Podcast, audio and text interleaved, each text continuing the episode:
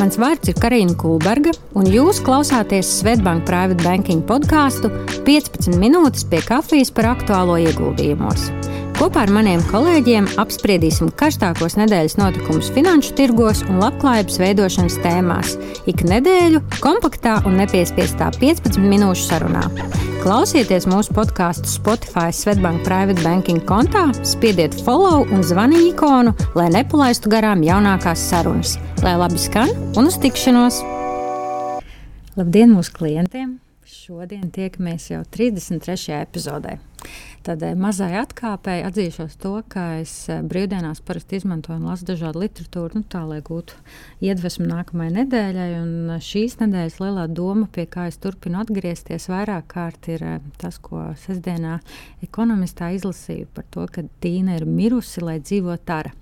Un te, protams, neiet runa par kādu dzīvām tīnām vai tarām. Tie klienti, kas mums ilgāk ir sekojuši, zina par šo slaveno tīnu. Tas bija finanšu tirgos pēdējos gados tāds ļoti lietots teiciens, kas teica, ka there is no alternative. Būtībā pēc tam tas pārtapa, pārtapa šī tīna par trīnu, kas teica, there is really no alternative, kas nozīmē to, ka nu, klienti saprata, ka šajos drošajos instrumentos ieguldīt tajā brīdī nebija iespējas un savukārt šodien tās abas ir mirušas, šim procentu likmēm pieaugot, un šobrīd tā ir pārtapusi par taru, ka there are real alternatives. Es domāju, ka jūs daudz šo tīnu un trīnu bijāt dzirdējuši mūsu arī līdzinējos uh, webināros, bet nu, patiešām tā ir tā doma, pie kā mazliet var atgriezties, sekojot līdz centrālo banku likmju celšanas politikām. Noteikti arī vērts noklausīties iepriekšējo epizodi, kur tiek runāts arī tā skaitā par dažādām obligācijām ar Mārtiņu Ventu un Ingu Ērglu Trušiņu. Šie fiksēto ienesīgumu instrumenti atkal atgriežas droši vien ar tādu aizvien lielāku interesi arī klientu vidū. Bet, ja runājam par tiešām jaunumu šajās nedēļās, ļoti, ļoti daudz. Es pati vēl 2. decembra epizodē paudu tādu izbrīnu par šīs kripto platformas īpašnieku Samu Bankmanu, kā viņš varētu būt FTX īpašnieku uz brīvām kājām Bahamās, tad šonadēļ pirmdiena nāca ar ziņu, ka viņš eh, ticis ir arestēts un viņam sola mūža ieslodzījumu. Ir arī ziņas par izmaiņām turīgāko cilvēku topos. Tam arī droši vien šodien tā pavisam īsi pieskarsimies. Bet nu, pamazām jāsāk jau arī noslēgt gads. Un tāpat kā Spotify mums dod tādu iespēju iedot to gadu kopsavilkumu, tā arī mēs šīs pēdējās epizodes gribam noveltīt tām tēmām, kas mums ir aizņēmušas pietiekami daudz laika, arī līdzinājās sarunās. Un šī gada tāda viena no top sarunām, kas mums ir bijusi, protams, jautājums, ko aizsākām īstenībā jau paskatoties atpakaļ 4. epizodē, māja beigās ar līgu, kur mēs runājam par Twitter sāgu. Nekad jau tajā stāstā nevar iztikt arī bez paša Elona Maska. Šodien par to parunāsim vairāk. Man ir divi brīnišķīgi kolēģi ar mani šodien kopā Līga Rasa Grāvīta. Līga, čau! Čau! Daniels Staurota. Čau, Daniel! Sveiki! Un gribu ar jums abiem parunāt par tādiem diviem lieliem blokiem. Pirmkārt, gribu šoreiz sākt ar Teslu, jo gal galā tieši Tesla ir tā akcija, ar ko tirgojušies mūsu klienti un kopumā, kas ir ļoti iecienīta arī ne tikai kaut kur ārvalstīs, bet arī Latvijā. Ja mēs kādreiz skatāmies no ziņu lentēm, ka nu, šī ir viena no tirgotākajām akcijām. Un, um, gribu jautāt, sākumā Līgai, nu, tad, tad mēs ar tevi tik daudz esam par to runājuši, bet būtībā Līga, kāds ir tavs skats uz to, kas tad ar Teslu noticis šogad tādā lielākā periodā, paraugoties? Man ir tāda nopūta, gribas teikt, Tesla, Tesla, Tesla. Nu, es sākšu tā, šis ir bijis Teslas labākais gads, kāds jebkad ir bijis gandrīz visos finanšu rādītājos. Un, ja jūs vienkārši apskatītu Tesla ceturkšņu pārskatu šogad, tad jūs domājat, ka Tesla akcionāriem ir bijis lielisks gads. Autoražotājs notrožina rekordlielus ienākumus, piekādas aug un gada ražošanas jauda tuvojas diviem miljoniem transporta līdzekļu gadā. Vairāk nekā jebkuram citam autoražotājam, kad runa ir par pilnīgi elektriskiem transporta līdzekļiem. Bet kas tad ir noticis ar Teslas akcijas cenu? Visiem zināms fakts, ka akciju tirgi kopumā no gada sākuma ir piedzīvojuši kritumu, taču Teslai tas ir bijis dramatisks un investori tajā vaino tieši masku. Tesla šogad ir viena no sliktākajām akcijām starp lielajiem autoražotājiem un tehnoloģiju uzņēmumiem kopumā. Daudz analītiķi saista Tesla kritumu ar Twitter iegādi, lai gan tāpēc, ka Maskas finansēja iegādi pārdodot ļoti lielu savu Tesla akcijas daļu. Kopumā no gada sākuma tie ir aptuveni 40 miljardi. ASV dolāru, gan tā, kā viņš izmanto platformu kopš iegādes. Tāpat arī viņa publiskie izteicieni ir kļuvuši aizvien agresīvāki, kad atsvešina Teslas esošos un potenciālo klientu bāzi. Faktiski Tesla ir kritusies par satriecošiem 60% no gada sākuma, kas nozīmē tirgus kapitalizācijas kritumu par gandrīz 600 miljardiem ASV dolāru. Kritums 28% apmērā ir bijis tieši kopš šī 27. oktobra, kad Masks pārņēma sociālo mediju platformu Twitter. Masks oponē situāciju sakot, ka viņš pārliecināts, ka Tesla akcionāri gūs labumu no Twitter ilgtermiņā. Viņš gan nav precizējis, kā viņš plāno to panākt. Akcionāri uzskata, ka Masks ir tik aizņemts ar Twitter, ka viņa nepie, ne, nav pietiekami daudz laika, ko veltīt elektrisko automobīļu uzņēmumam. Jāatzīmē, ka 2022. gads Tesla akciju proporcija tika samazināta vairākos ETF. Šodien mēs Teslas akciju varam nopirkt par nepilniem 160 dolāriem. Ja mēs skatāmies perspektīvā pa 2023. gadu, tad Plānots, ka peļņas aplēses varētu tikt pārskatītas uz leju, jo pieprasījums varētu kristies dēļ ekonomikas vājināšanās un augstajām aizņemšanas izmaksām, kas varētu atturēt jaunos un potenciālos pircējus. Tāpat ASV plāno benzīna cenu kritumu, un arī lietoto Tesla cenu noslīdējusi līdz šī gada zemākajam līmenim, bailēs no gadamās ASV recesijas. Nenoliedzami Tesla ir lielākais uzņēmums, kas ir veicis šķietami neiespējamu varoņu darbu, izveidojot pirmo amerikāņu elektroautomobiļu kompāniju, praktiski vienpersoniski ievelkot pārējo auto industriju elektrolaikmetā. Un, arī Tesla joprojām ir pārāka no inženiertehniskā viedokļa, 2023. gadā būs vairāki pietiekami labi konkurenti, kuri nav bijuši iepriekš, un arī nākotnē tādi noteikti paliks aizvien vairāk.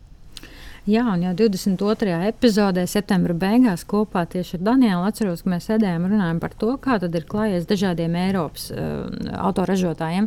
Atgādināšu, ka tajā brīdī, tieši vasaras beigās, nolistējais bija Porsche, kur IPO bija tāds nu, milzīgs notikums, ko visi finanšu tirgi gaidīja. Tam bija jāparāda to, vai tie mākoņi ir pavisam tumši savilkušies virs tiem Eiropas uh, debesīm, vai, vai teiksim, visas piegāžu ķēžu problēmas, kara tuvums arī fiziski fiziskais tuvums tātad Vācijā, kā tas būs ietekmējis interesi par šo IPO. Bet, nu, gribu šoreiz palūgt Danielam par tiem Eiropas ražotājiem pakomentēt, kā tiem ir klājies galu galā šogad tādā gada griezumā. Jā, tik tiešām turpinot par Porsche, var teikt, ka viņu IPO ir izdevies, neskatoties tām grūtībām, kas bija šogad, kas saviņoja finanšu tirgus. Uh, Un, um, jā, jo ātri pēc IPO noslēgumam tādas uh, vadošās investīciju bankas, kā piemēram Deutsche Bank, norādīja, uh, ka Porsche ir uzņēmums, kas viegli spēja pārdzīvot sarežģītos laikus ekonomikā, pateicoties savai iecienītai elitāro produktu līnijai. Uh, tāpēc prognozē uzņēmumam ienākumu pieaugumu arī nākamgad. Līdz ar to gan Deutsche Bank, gan JP Morgan un citi analītiķi sniedza ieteikumu pirkt šos vērtspapīrus. Uh, Un pavisam drīz, jau sākot no 19. decembra, pašā akcijas tiks iekļautas Vācijas DAX indeksā, kurā ir iekļauti 40 lielākie Vācijas uzņēmumi. Šīs indeks tiek uzskatīts par Vācijas finanšu tirgus barometru. Līdz ar to jā, tas ir vēl viens arguments, ja tiešām investoriem ir ticība arī šī uzņēmuma akciju vērtību izaugsmē arī turpmāk, nākotnē. Un jau šobrīd, uh, uz šo brīdi, kopš IPO mm, noslēguma, akciju cena uzkāpa līdz uh, plus 23%. Ja? Uh, un, uh, jā, runājot par pārējiem autoražotājiem Eiropā, jā, arī viņiem ir gājis pietiekoši labi. Mm, jo, pieņemsim, Mercedes trīs sadarbšņu kopumā ir uh, palielinājis savu peļņu līdz 83%, uh, Volkswagen līdz 52,6% un BMW uz 23%. Uh, tomēr nākamo gadu mm, rezultātu ir grūti prognozēt, mm, jo eksperti sagaida, ka pieprasījums pēc auto tomēr kritīs. Un atkal prognozē, ka elitāro autoražotājiem būs uh, vieglāk noturēt uh, stabilus savus finanšu rādītājus nekā um, ekonomiskās klases autoražotājiem. Tas arī šobrīd atspoguļojas finanšu tirgos, jo kopš gada sākuma lielākie kritumi ir tieši Volkswagenam - minus 24%, BMW ir minus 6% un Mercedes minus uh, Uh, jā, arī 6%. Uh, jāmin, ka minēto Eiropas autoražotāju akciju cenas un peļņas attiecība, kas ir PE ratio, ir ļoti zemas. Pieņemsim, BMW tas ir 3. Ja, tas nozīmē, ka, lai mēs gūtu no šiem vērtspapīriem 1 eiro lielu peļņu, ja, mums jāiegulda šajās akcijās savus 3 eiro. Un šīs rādītājs Volkswagenam arī ir zems, 3, 4, Mercedesam ir 5, un salīdzinājumam Tesla tas ir gandrīz 50 kas novada līdz domai, ka tomēr šie uzņēmumi ir iespējams nav novērtēti pietiekoši, un tas varētu mm, dot lielāku kapitāla pieaugumu nākotnē, ieguldos, ieguldot tajos šobrīd. Un, ja mēs skatāmies ārpus Eiropas mm, ražotājus, neskaitot Teslu, tad uh, līderis pārdošanā ir Ford. Uh, katrā ceturksnī ir pārdevis vismaz 410 tūkstoši jaunu auto, un Ford arī spēja dubultot pārdoto elektroautorātu skaitu. Ar līdzīgiem sekmīgiem rezultātiem finišēja arī Toyota. Mm, tur skaidrojums ar hibrīda auto klāsta palielināšanos. Mm, arī Chevrolet mm, parādīja labus rezultātus, kas pieder General Motors. Tur pārdeva katrā ceturksnī vairāk par 340 tūkstošiem automašīnu. Turpretī viena no šī gada lielākajām zaudētājām ir tieši Japāņu Honda. Jau kopš gada sākuma pārdot auto skaits samazinājās par 34,3%. Un, ja mēs skatāmies uz finanšu tirgiem, tad uh, lielākie kritumi ir tieši šiem auto ražotāju gigantiem, General Motors un Fordam. Abiem gandrīz ir mīnus 38% kopš gada sākuma, uh, Toyotai mīnus 11% un Hondai uh, nepilns mīnus 1%. Jā, te arī iezīmējās atkal tas uh, vairāk kārt jau tēma, ka mēs esam pieskārušies tai atšķirībai vai tai preferencei, ko investori liek starp šīm izaugsmas akcijām vai arī tām vērtības akcijām. Interesants būs tas pavērsiens, par ko arī Daniels min, vai šobrīd šķietami zemie vērtējumi, zemās cenas, par ko var iegādāties Eiropas autoražotājus, vai tās ir, teiksim, pārāk zemas un tās izlīdzināsies ar laiku, un tur ir iespējams kaut kāds ieguvums, un tāpat laikā arī jāskatās, kā būs ar šiem izaugsmas stāstiem, kā Tesla, piemēram, nu, kas ir atrausies tiešām tajā eh, PI rādītājā, tā skaitā stipri vien at attālinājusies no tā, ko mums šobrīd piedāvā Eiropa. Bet uh, noteikti otrs, uh, par ko ļoti daudz runājām, otra tēma saistībā ar Elonu Masku, protams, ir bijis Twitter, un skaidrs, ka tam mēs sakojām līdzi šogad un, un pēdējos mēnešus īpaši aktīvi. Bija pat arī spekulācijas, ka viņam pārņemot šo uzņēmumu, tad bija virkni darbinieku, kas tika atlaisti. Bija vienas brīvdienas, kad arī Financial Times bija uzrakstījis lielu uzrakstu, vai mēs varam vispār sagaidīt, ka pirmdien um, visiem būs pieejams Twitter. Cilvēki jau sāka postot par to, kur viņi būs citur atrodami, ja tas nebūs Twitter. Bet skaidrs, ka pamodāmies pirmdienā, vismaz vēl līdz šodienai, kad ierakstām šo epizodi. Tas ir 15. decembris. Twitter strādā kā mīļais, neviens viņu nav aizslēdzis. Tātad Viss joprojām notiek, bet jāatzīmē arī tas, ka, nu, ja mēs objektīvi atkal paraugāmies, tad, protams, uz eh, šodienu eh, Twitter nemaz nav lielākais teiksim, sociālo mediju eh, uzņēmums. Tāds joprojām ir Facebook vai arī nu, jau Meta grupa ar 2,93 miljardiem aktīvo lietotāju. Tā seko YouTube, kas pieder Google ar 2,5 miljardiem. Pēc tam nāk WhatsApp, kas nu, ir Metas grupai piederošs, tad Instagram un tad arī Ķīnas WeChat čats. Nu, salīdzinājumam Twitteris, protams, salīdzinājumam daudz, daudz mazāks. Bet Līga, tu šogad par Twitter esi kopā ar mani šajās epizodēs tik daudz runājusi. Pastāsti, kāds tad ir tas tavs kopsavilkums par to, kā viņiem ir gājis? Twitter pēdējā laikā ir apvīts ar ļoti daudz emocijām, droši vien vairāk tāda negatīva rakstura. Tad Masks, kā solījis 27. oktobrī, arī ir iegādājies Twitter par šo noteikto cenu 44 miljardi dolāru. Kopš šī brīža viņš arī ievērojami savu laika daļu ir veltījis tieši šim biznesam. Sociālais tīkls pieredzējis ievērojamas pārmaiņas, kas guvušas negatīvu rezonanci daudzās sabiedrības grupās.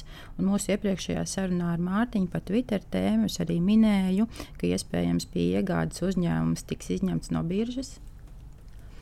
Uh, kas arī ir piepildījies. Pēdējā akcijas cena ir piefiksēta 53,70 dolāri, nu, kas jau gada sākumā skatoties, viņiem pieaugums bijis pa 30 šiem 5%. Varētu teikt, ka Twitter, ja mēs skatāmies no tādiem akciju cenu kāpumiem ļoti ir bijis ietekmēts no tieši šiem maska lēmumiem, gan no iegādes brīža, gan arī darījuma atcelšanu, gan arī visām peripētijām, kas ir bijušas pa vidu.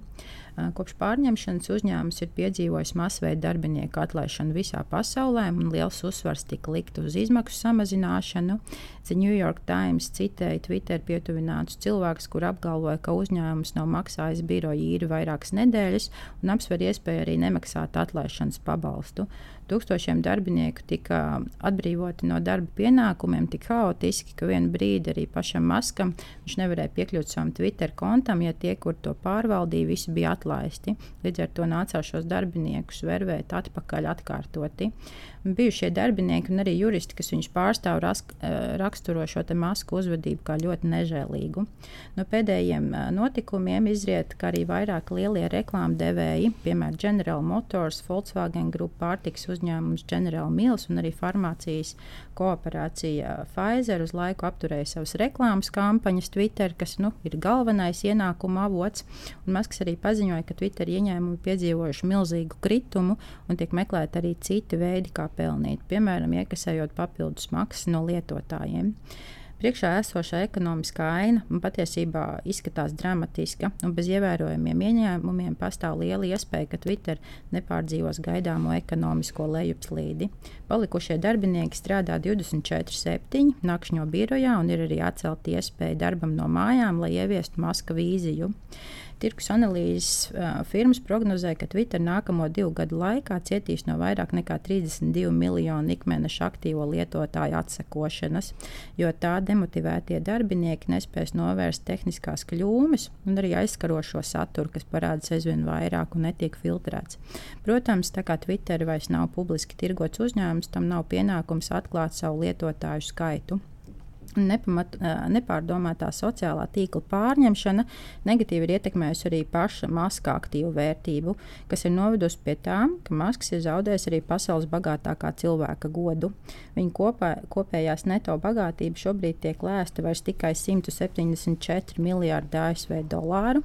Viņš jau šīs nedēļas laikā ir nopārdevis daļu no savām Tesla akcijām un tas ir ļoti strauji kritums. Tas ir vairāk nekā 45% salīdzinot ar viņa bagātību pirms gada, kas sastādīja 320 miljardus dolāru. Nu, jāpiemina, ka kā Eiropiešiem mums ir iespēja šobrīd priecāties, jo il, pēc ilgas kā, atrašanās top kaut kur pieciniekā šobrīd to galveno titulu atkal ir paņēmis Bernards Arno. Vairāk kārt esmu jau par viņu un par viņa globālo arī impēriju, to LVMH vai Louis Vuitton, Moet un Hennessy runājusi. Tas bija viens no šiem Covid uzplaukuma stāstiem, kur līdzīgi kā Daniels minēja par autoražotājiem, tiešām arī šie luksus, gan brendi alkoholā, gan, gan drēbju, apavu zīmolos patiesībā nevis tikai zaudēja, bet tiešām uzplauka. Tā skaitā arī Covid pandēmijas laikā un pieredzēja tādu paaugstinātu pieprasījumu. Bet uh, Daniela varbūt mazliet ieskicē to, kā īstenībā ir gājis arī citiem tiem lielajiem sociālajiem tīkliem. Jā, gribētu sākt um, laikam, ar vienu tādu no nozīmīgākajiem arī uzņēmumiem tehnoloģiju pasaulē un sociālos tīklos. Tas ir Meta.